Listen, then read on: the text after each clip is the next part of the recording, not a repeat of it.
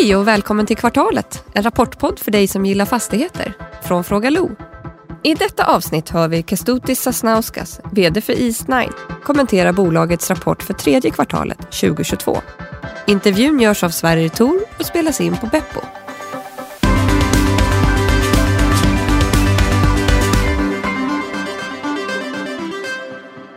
Då säger vi hej och välkomna tillbaka till kvartalet. Och hej Kestutis. Tack. Välkommen tillbaka. Det var kul, att, det är kul att vara här. Mm, kul att ha dig här. Jag tänkte bara säga till alla de som har, sitter och väntar på att Ilja kommer i podden. De får ge sig till tåls ett par dagar till. Men eh, nu börjar vi med dig. Ja. Hur är läget?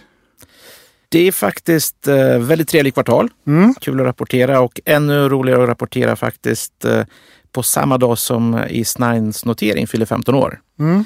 2007 noterades bolaget. Och då hette Eh, det East Capital Explorer va? Ja, och det var ett investmentbolag och Mm. så vidare. Så att eh, nu 15 år senare är det någonting annat. Mm. Eh, Men eh, vi också redovisar absolut starkaste resultat någonsin. eh, Både från fastighetsrörelsen men också de vinsterna som vi genererar just nu. Mm. Har ni firat idag med tårta? Inte än, men eh, det kommer lite champagne och lite tårta kanske lite senare under dagen. Kul. Jag gissar att ni firade också när ni sålde Mellon Fashion Group. Eh, lite grann har vi gjort, eh, men vi kommer fira lite, lite större när affären kommer slutföras. Ja, jag kan tänka mig det. Vi ska prata om det senare. Men vi ska börja med att höra vad Niklas tycker. Varsågod Niklas Höglund.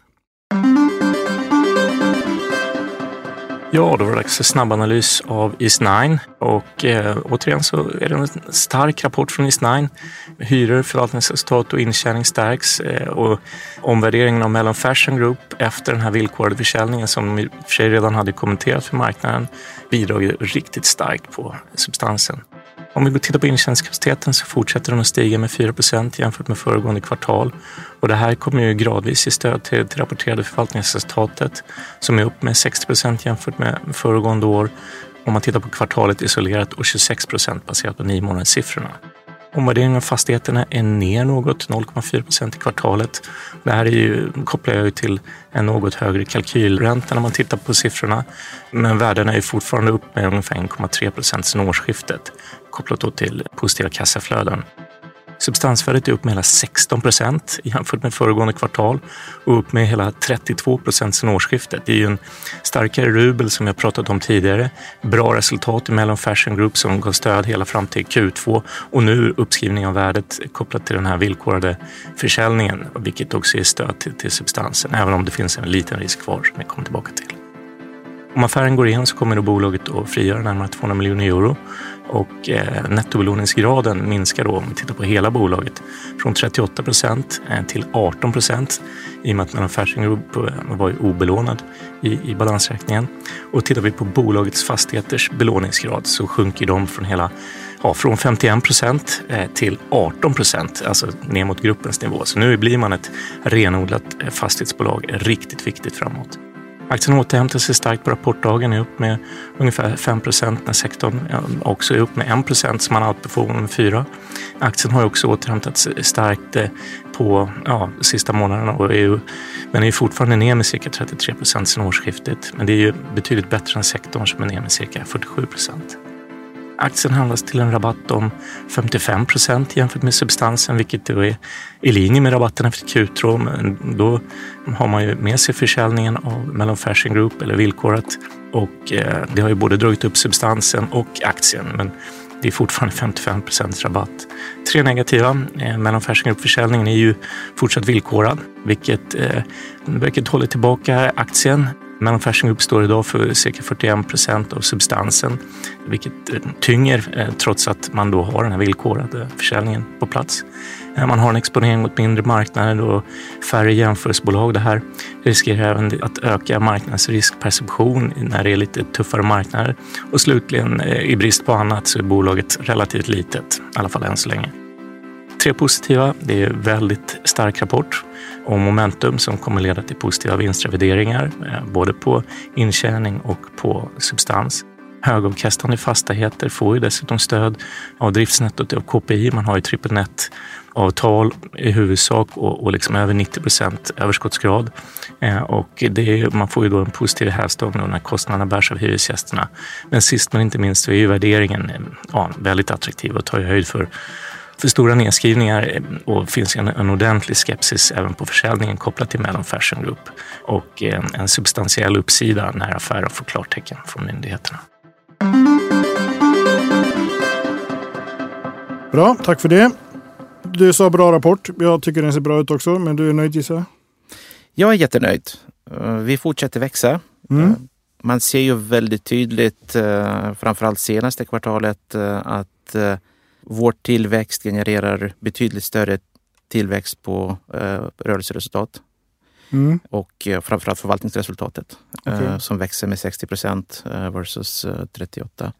Så att där har vi ju fantastisk skaldriftsfördelar när Mm. vi adderar fastigheter och så vidare. Mm.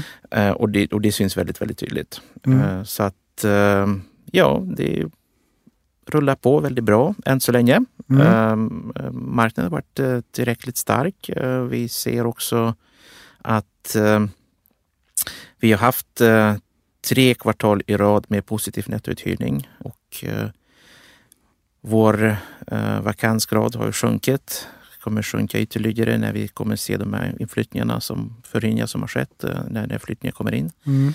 Eh, Så att även nästa kvartal ser faktiskt väldigt optimistiskt på den sidan. Okej, okej. Du sa än så länge och det är ju, det är ju... Vi lever i en tid som det heter, där det är lite jobbigt. Absolut. Är det många som tycker det är lite jobbigt. Eh, och, och man märker ju inte än av det på, på liksom rapporterna i fastighetsbolagen men tongångarna i branschen här i Sverige är ju liksom, ja, jag ska inte säga deppiga, men, men det är liksom rätt så, rätt så mycket negativt som man hör. Absolut, och det ser man ju på aktiekurserna framför allt. Mm, Ehm, Hur upplever ni liksom den ekonomiska stämningen om man säger så i, i Baltikum? Baltikum följer eh, väldigt mycket vad som händer i Europa, eh, i övriga Europa. Vi ser kanske något starkare utveckling i Polen. Mm. Både vad gäller eh, tillväxt, inflation, sysselsättning fortfarande väldigt, väldigt stark. Också stark hyresmarknad. Mm. Ehm, och rent generellt, jag menar vår del av värld eh, har ju varit den kanske fyllde funktion av viss ekonomisk besparing för eh, många västerländska bolag. Mm. Eh, delvis att man flyttat backoffice-tjänster tidigt, man flyttat vissa IT-utvecklingstjänster och så vidare. Och den delen fortsätter. Vi ser också ganska mycket nytillkomna bolag och i alla fall diskussioner om förflytta av viss del av produktion närmare till europeiska marknader och så vidare. Sen får vi se om det händer väldigt snabbt eller den konjunkturnedgången kommer liksom bromsa in detta. Men rent generellt så eh, är jag oerhört optimistisk över hela regionens utveckling. Eh, trots eh, kanske lite mörkare situation just nu i fastighetsmarknaden. Mm. Men det kanske, det, vi ser det mörkret på lite annat sätt. Sen är ju såklart, det har aldrig varit så många okända faktorer som kan påverka. Så det är just nu är väldigt svårt att fatta några beslut och egentligen eh, hitta någon eh, tydlig riktlinje någonstans. Eh, jag tror snarare det handlar om att inte gräva sig inte för djupt ner i problem Mm. eller riskera att ta på sig problem. Eh, men eh, samtidigt finns ju väldigt många fina möjligheter. Mm. Och för oss, eh, om, om vi nu lyckas slutföra mellanaffären, vilket vi tror vi gör, Eh, så kommer vi sitta med ganska stark kassaposition eh, för, för, för vår lilla bolag i alla fall. Eh, och vi ser väldigt fina möjligheter faktiskt att fortsätta kunna växa. Okej. Du nämner i rapporten att, att det, det är ju liksom efterfrågan efter bra kontor i, i, i framförallt Vilnius är väldigt bra. På grund av kriget, eller om, om jag tolkar det rätt. Eh, och, det kanske jag tänker vi skulle ge dig chans att kommentera lite senare. Men alltså en sak som jag tänker, om jag, om jag ska sätta på mig den, den eh, cyniska kapitalistens hatt, är ju att i en sån här tid då, då är ju marknader som, som Polen, som Baltikum ganska attraktiva. Inte bara för att där finns högre avkastning utan för att du kan ju skära ner på kostnader som, som företag, alltså hyresgäst. Absolut. Genom att, att flytta ytterligare verksamheter dit, genom att till och med liksom flytta äh, ska säga, mer avancerade funktioner dit. Det jag vill komma är till att du, du nämner liksom, än så länge går det bra. Du näm- nämner det i rapporten att när ni hyr ut det mesta av beståndet så har ni inte mycket chans till nettouthyrning positiv på, på samma sätt. Ja. Behöver ni köpa mer nu fastigheter? Jag, jag tycker vi ska absolut växa. Mm. Uh, det finns fortfarande väldigt mycket. Men, jag menar, antingen är man är för stor eller för liten Mm. i, i dagens värld. Eh, Vi ser ju de absolut största bolagen Mm. försöker dela upp sig eh, lite grann för att kunna få lösa sina finansieringsproblem. Eh, samtidigt som de små måste bli lite större. Det kostar att driva verksamhet, det kostar med börsnotering, administrativa resurser och så vidare. Så att eh, vi ser ju fortfarande väldigt tydliga skalfördelar att addera eh, de moderna fastigheterna. Mm. Mm. Eh, sen är ju väldigt, väldigt tydlig skillnad eh, i marknaden på vilka slags kontor folk vill hyra. Mm. Det har vi pratat om tidigare att, eh, och hoppades lite grann att det kommer att ske ett skifte mot högre kvalitet. Men det ser vi väldigt, väldigt tydligt nu att eh, den förflyttning sker. Vi ser högre vakans i marknaden generellt. Vakansen har ökat något, eh, men den har minskat i de absolut mest attraktiva lägen. Okej. Eh, Och just nu kanske till och med saknas i Vilnius de modernaste kontor. Det finns några byggen som pågår, eh, men, eh, men eh, det adderas inte lika mycket längre på grund av ökade osäkerhet men också ökade byggkostnaderna. Mm. Och hyresnivåerna har inte hängt med på samma sätt än så länge, men vi ser att faktiskt det finns tryck fortfarande på, på, på ökade hyresnivåerna. Mm. Och vi är i en marknad som är annorlunda. I princip som har inte hunnit nå lika långt som till exempel svenska marknaden. Direktavkastningsnivåerna är mycket högre. Eh, Vi är i 5-6 procent, 6,5 kanske nu. eh, Kommer titta på, om man tittar på regionala städer i, Mm. eh, i Polen. Och då pratar jag topp-topp, eh, lägen topp-topp-fastigheter som är helt nya. Eh, Vi pratar fortfarande om hyresnivåerna som ligger på 100, eh, 1800 kronor per kvadrat Mm, eh, på mm. topplägen och topp, eh, helt nybyggda fastigheter med till och med mer utrustning i form av uh, luftfuktighet och så vidare. Och så vidare. så att vi, vi, vi har mycket modernare bestånd egentligen än många svenska fastighetsbolag Mm. har. Uh, framförallt i Vilnius. Och Mm. modernare i form av den tjänst och kvalitet som man erbjuder också. Mm. Ni, ni har ju jämfört med, med Fabege eller Vasakronan till exempel då, i, i, i vad gäller liksom kvalitet på, eller Ja. Entra. Jag har kallat det Ja. ett baltiskt Entra också. Ja. Men, men eh, ser du framför dig eh, att, att det kommer, för det är ju också, jag kan tänka mig att det blir ökad efterfrågan efter fastigheter från, från utländskt kapital som jagar avkastning i en inflationstid. Då är ju, då är ju 6,5 ganska mycket mer attraktivt än 3,5. Absolut, men eh, det sker ju någon form av omflyttning på gilderna även här. Så att jag tror i de här oroliga tiden, tiderna när, som, som vi upplever nu att det kanske är lite större osäkerhet kring refinansieringar och, och framförallt kapitalmarknadsfinansiering. Att det kan det, är svårt att veta var gilderna är egentligen. Mm. Eh, vi, vi, vi behöver se fler transaktioner kanske för att kunna se egentligen vad, vart det pekar egentligen. Mm. Mm. Men hittills har vi sett relativt stabil situation även här, eh, där kanske situationen är mer ansträngd eh, än vad det är i Baltikum. I Baltikum finns ingen kapitalmarknadsfinansiering i princip. Mm. Vi har en liten bond eh, utestående, en av de största bonds egentligen i marknaden. 45 miljoner euro. Så Och det kan ni göra för att ni är svenska eller? Nej, det finns även några lokala, men de flesta, de flesta obligationsemissioner sker på 5 miljoner euro Okej, kanske okej. lokalt. Så det är, ju- det är ju väldigt, väldigt små. Mm. Och för oss det utgör kanske 14 procent av vår finansiering. Så det är inte Okej. något större. Okej. Ni har en, ni har en nettouthyrning på, på cirka 2,5 miljoner. Eh, 215 000 euro i kvartalet. Ja. Det är en ganska beskedlig nivå jämfört med vad hittills i år. Och, och liksom så här. Beror det på brist på ytor eller? ja, det börjar bli fullt Okej. i våra hus också. Eh, Så att eh, jag tror att snart kommer vi inte kunna rap- rapportera några positiva nettouthyrningar. Um, Ni bara kasta ut folk då? Ja, det kommer ske omflyttningar ändå. Ja, Eh, ja. eh, Men, eh, men eh, vi tror att eh, under nästa kvartal med alla inflyttningar som kommer ske, vi kommer se ytterligare ett par procent förbättrat uh, uthyrningsgrad, Okej. okej. ekonomisk uthyrningsgrad. Så att eh, därifrån är ju svårt att öka. Mm. Precis. Jag har några punkter i rapporten som jag har eh, noterat. Ja, Eh, Och ena är ju, en viktig händelse är att ni har varit med och lanserat ett PropTech-center i Litauen. Ja. Eh, och det där tycker folk är intressant. Det här med PropTech. Eh, vad, tycker- vad, du tycker det också? vad, vad, vad är er roll i det här? Är, är ni liksom tagare av, av tekniken eller är ni någon, någon finansiär? Eller hur, hur? vi vill vara kanske den, en del av katalysator Mm. eh, i själva processen. Anledningen till varför vi har gjort det är att vi, eh, även om vi har väldigt modern fastighetsbestånd, så har vi sett att eh, det finns väldigt mycket mer man kan göra på tekniksidan. Mm. Och eh, även om vi har moderna styrsystem och, eh, och så vidare så är de rätt så oflexibla Mm. oftast, bundna till kanske väldigt enstaka leverantörer eh, eh, och så vidare. Och så vidare. Och, eh, vi ser att det finns otroligt stor potential för innovation Mm. ehm, och framförallt energibesparande åtgärder. Okej. Så det började där. Vi har sett mer som vår, en del av vårt arbete på, på hållbarhet. ehm, eh, att satsa mer på innovativa lösningar.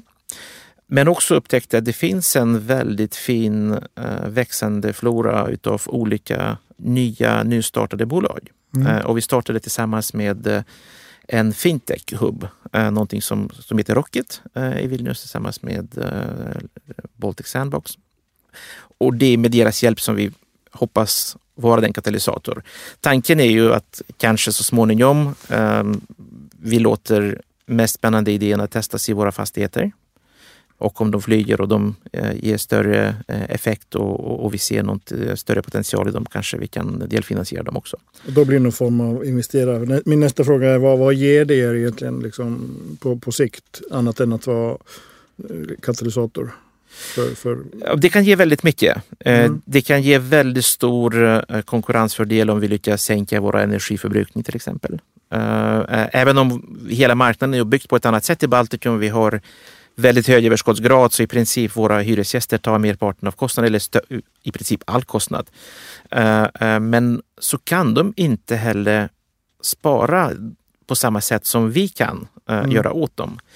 Och där uppstår ju väldigt stor problematik för att fastighetsägaren oftast är inte motiverad för att den kostnaden tas av, av hyresgästen och hyresgästen helt plötsligt, eller inte helt plötsligt, men helt enkelt kan inte och förstår inte riktigt vad, Mm. hur de kan spara energi i ett större fastighet till exempel. Eh, Så att eh, där finns väldigt mycket grejer som vi kan göra Eh, och har vi bättre, eh, mer effektiva hus, varenda krona räknas, så- kanske vi kan få ut bättre hyra från våra fastigheter eh, och fortfarande vara mycket mer konkurrenskraftiga än våra konkurrenter. mm, mm. Eh, Så där finns det enormt mycket möjligheter. Sen erbjuda bättre tjänster och, och den här flora egentligen av PropTech är ju väldigt, väldigt bred. Mm. Eh, Så där ser vi ja, en spännande möjlighet att bidra till, eh, till också lokal utveckling eh, i Litauen. Okej.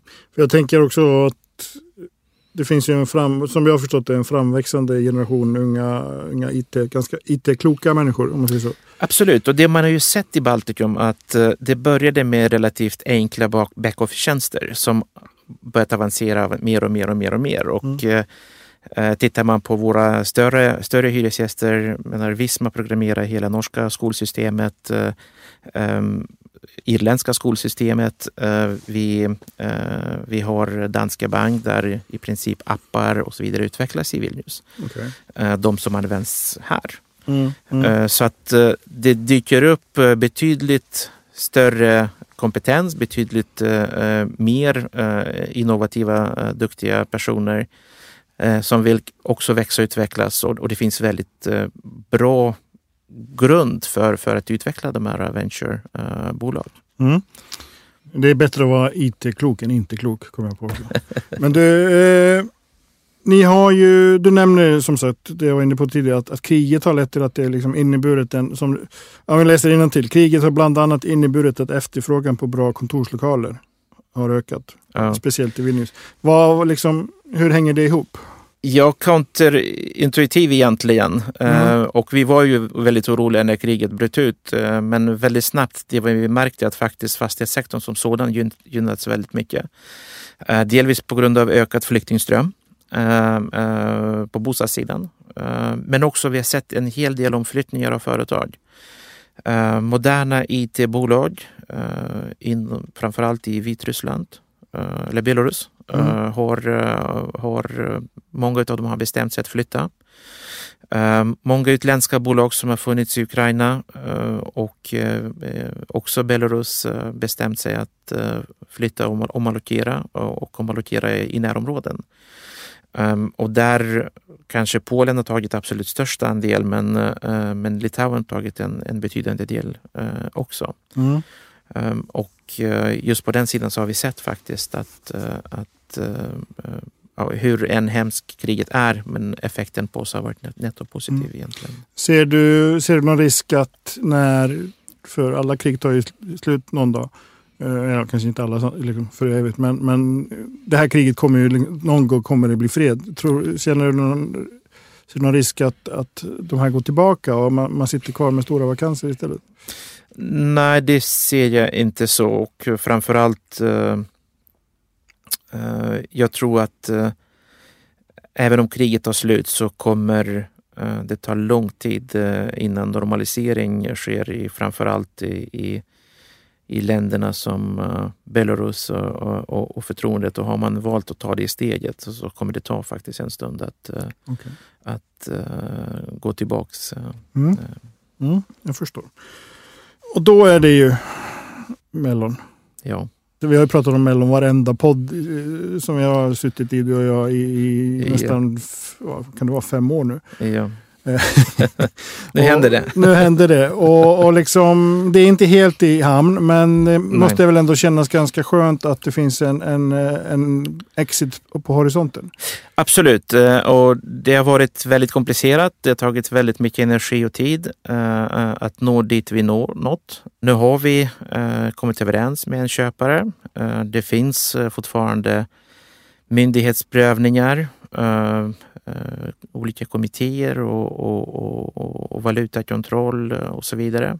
Är det här i Sverige eller är det i Ryssland eller någon annanstans? Eh, det är i Ryssland framför allt. Okay. Det är inte lika enkelt att föra över pengar från Ryssland till, till Sverige. Eh, så att även de praktiska eh, mm. detaljerna måste lösas. Eh, men vi jobbar på alla, alla av dem. Det tar väldigt mycket av min tid. Det har tagit väldigt mycket av min mm. tid, just den här transaktionen.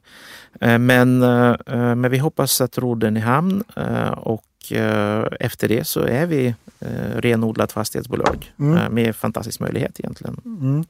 Och det, det, här är 193 miljoner euro i, i kontanter? I kontanter på ett så, bankkonto.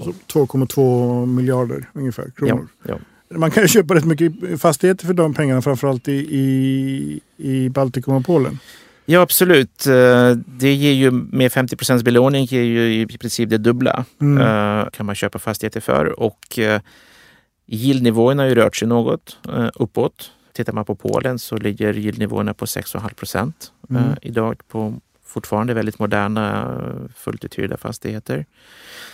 Så att möjligheterna ökar ju och jag tror att det är viktigt att gå igenom den här turbulenta tiden genom att inte kanske göra alldeles för stora misstag. Mm, mm. Eh, men, men på sikt så tror vi ju väldigt mycket på, på regionen och eh, på uh, möjligheterna där. Uh, och vi fortfarande är, som jag sa, på väldigt låga hyresnivåer jämfört med, mm. med, med de utvecklade länderna. Men är det framförallt Polen ni tittar på då? Eller? Vi tittar både på Polen och, och, och Baltikum dyker upp också nya möjligheter mm. eh, på ett annat sätt. Baltiska marknaden är mindre likvid. Mm. Eh, det är därför vi har valt att gå in i Polen. Eh, annars skulle vi kanske nöjt oss och växa i Vilnius och Riga mm. Och kanske Tallinn så småningom. Men jag pratade tidigare om, om detta att Poznan ser ju väldigt likt Riga men mm. med betydligt större ekonomisk miljö runt omkring. Mm.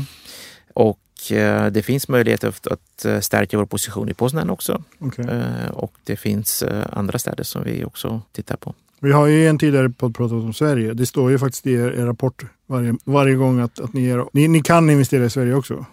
Så småningom kan vi göra. Mm. Så kanske vi går hela vägen runt. Mm. Cash king heter det. Det, det finns, ju, finns ju en del fastigheter som kommer ut på den här marknaden också kan jag tänka mig. Inom kort. Men eh, när kan det här vara i hamn? Jag vet att det är svårt att spekulera i det. Men, men... Vi räknar för årsskiftet. Okej. Okay. Och det är inte så mycket kvar. Nej, det är uh, väldigt, väldigt inte så mycket kvar. Nej, jag hoppas att uh, före julafton. Mm. Men uh, får vi se. Det, det, det, det finns såklart uh, viss osäkerhet kring, kring, kring de här tillstånden. Mm. Hur snabbt och de, de kan tas. Er aktie fick ju ett, ett väldigt bra skutt uppåt. Den hade ju tryckts ner rätt rejält också på grund av Mellon. Absolut. Kan jag tänka mig. Ja. Och jag såg också att den, den, ni fick ju godkänt av marknaden idag. Det är en ganska sur börs men aktien var upp 2 mm. ungefär när jag kollade. Ja. Blir det enklare att förklara bolaget för aktiemarknaden när ni är av Absolut. Jag tror att uh, det har varit svårt för många institutionella investerare att komma in i oss uh, och titta närmare på oss uh, med just melloninnehavet. Mm. Uh, för det var så pass annorlunda. Det är ju framförallt efter kriget så, så är ju Ryssland är, är ju mm. inte så positivt. Absolut. Mm. mm. Mm. Det är en sak som jag också tänkte på. Eh, du nämner ju inflationen och, och uttrycker att det kommer säkert att finnas enstaka hyresgäster som får det tufft. Du nämner också att, att ni är ganska trygga i att era, era, era kunder är stabila. Ja. Men har ni en handlingsplan för de som kommer få det tufft? Absolut. Eh, vi har haft eh, väldigt stor beredskap när, när pandemin bröt ut. Mm. Och Eh, vi trodde på mycket större konsekvenser eh, än vad det blev. Det blev väldigt minimala konsekvenser. Vi ser ju en väldigt kraftig inbromsning i ekonomin också, mm. äh, även i Baltikum just nu, men framförallt på tillverkningssidan äh, som säkert kommer medföra med sig äh, lite större inbromsning på andra sektorer. Tittar man på vår absolut största kontrakt, där känner vi oss väldigt trygga. Okay. Uh, och uh, tittar man på de mindre hyresgäster, absolut kommer vissa kanske kommer få lite tuffare. Uh, men där kommer vi föra proaktiva samtal. Och, så att kanske vi kan, jag menar, det är inte realistiskt att, att räkna med 22 procents hyreshöjning som efter, och, och det speglar dagens inflation. Mm. Det, det, är väldigt tufft för vilken verksamhet som helst. Framförallt när man inte vet vad som väntar nästa år. Mm.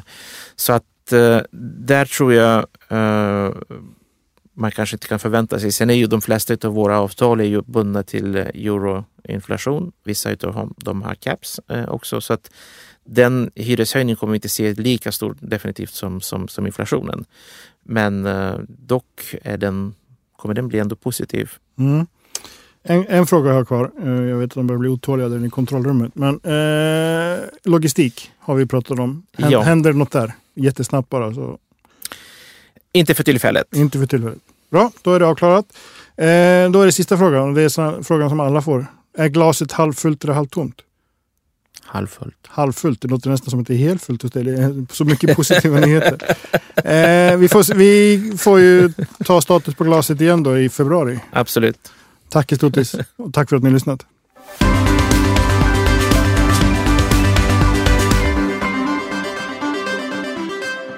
Det här programmet görs på Beppo. Beppo.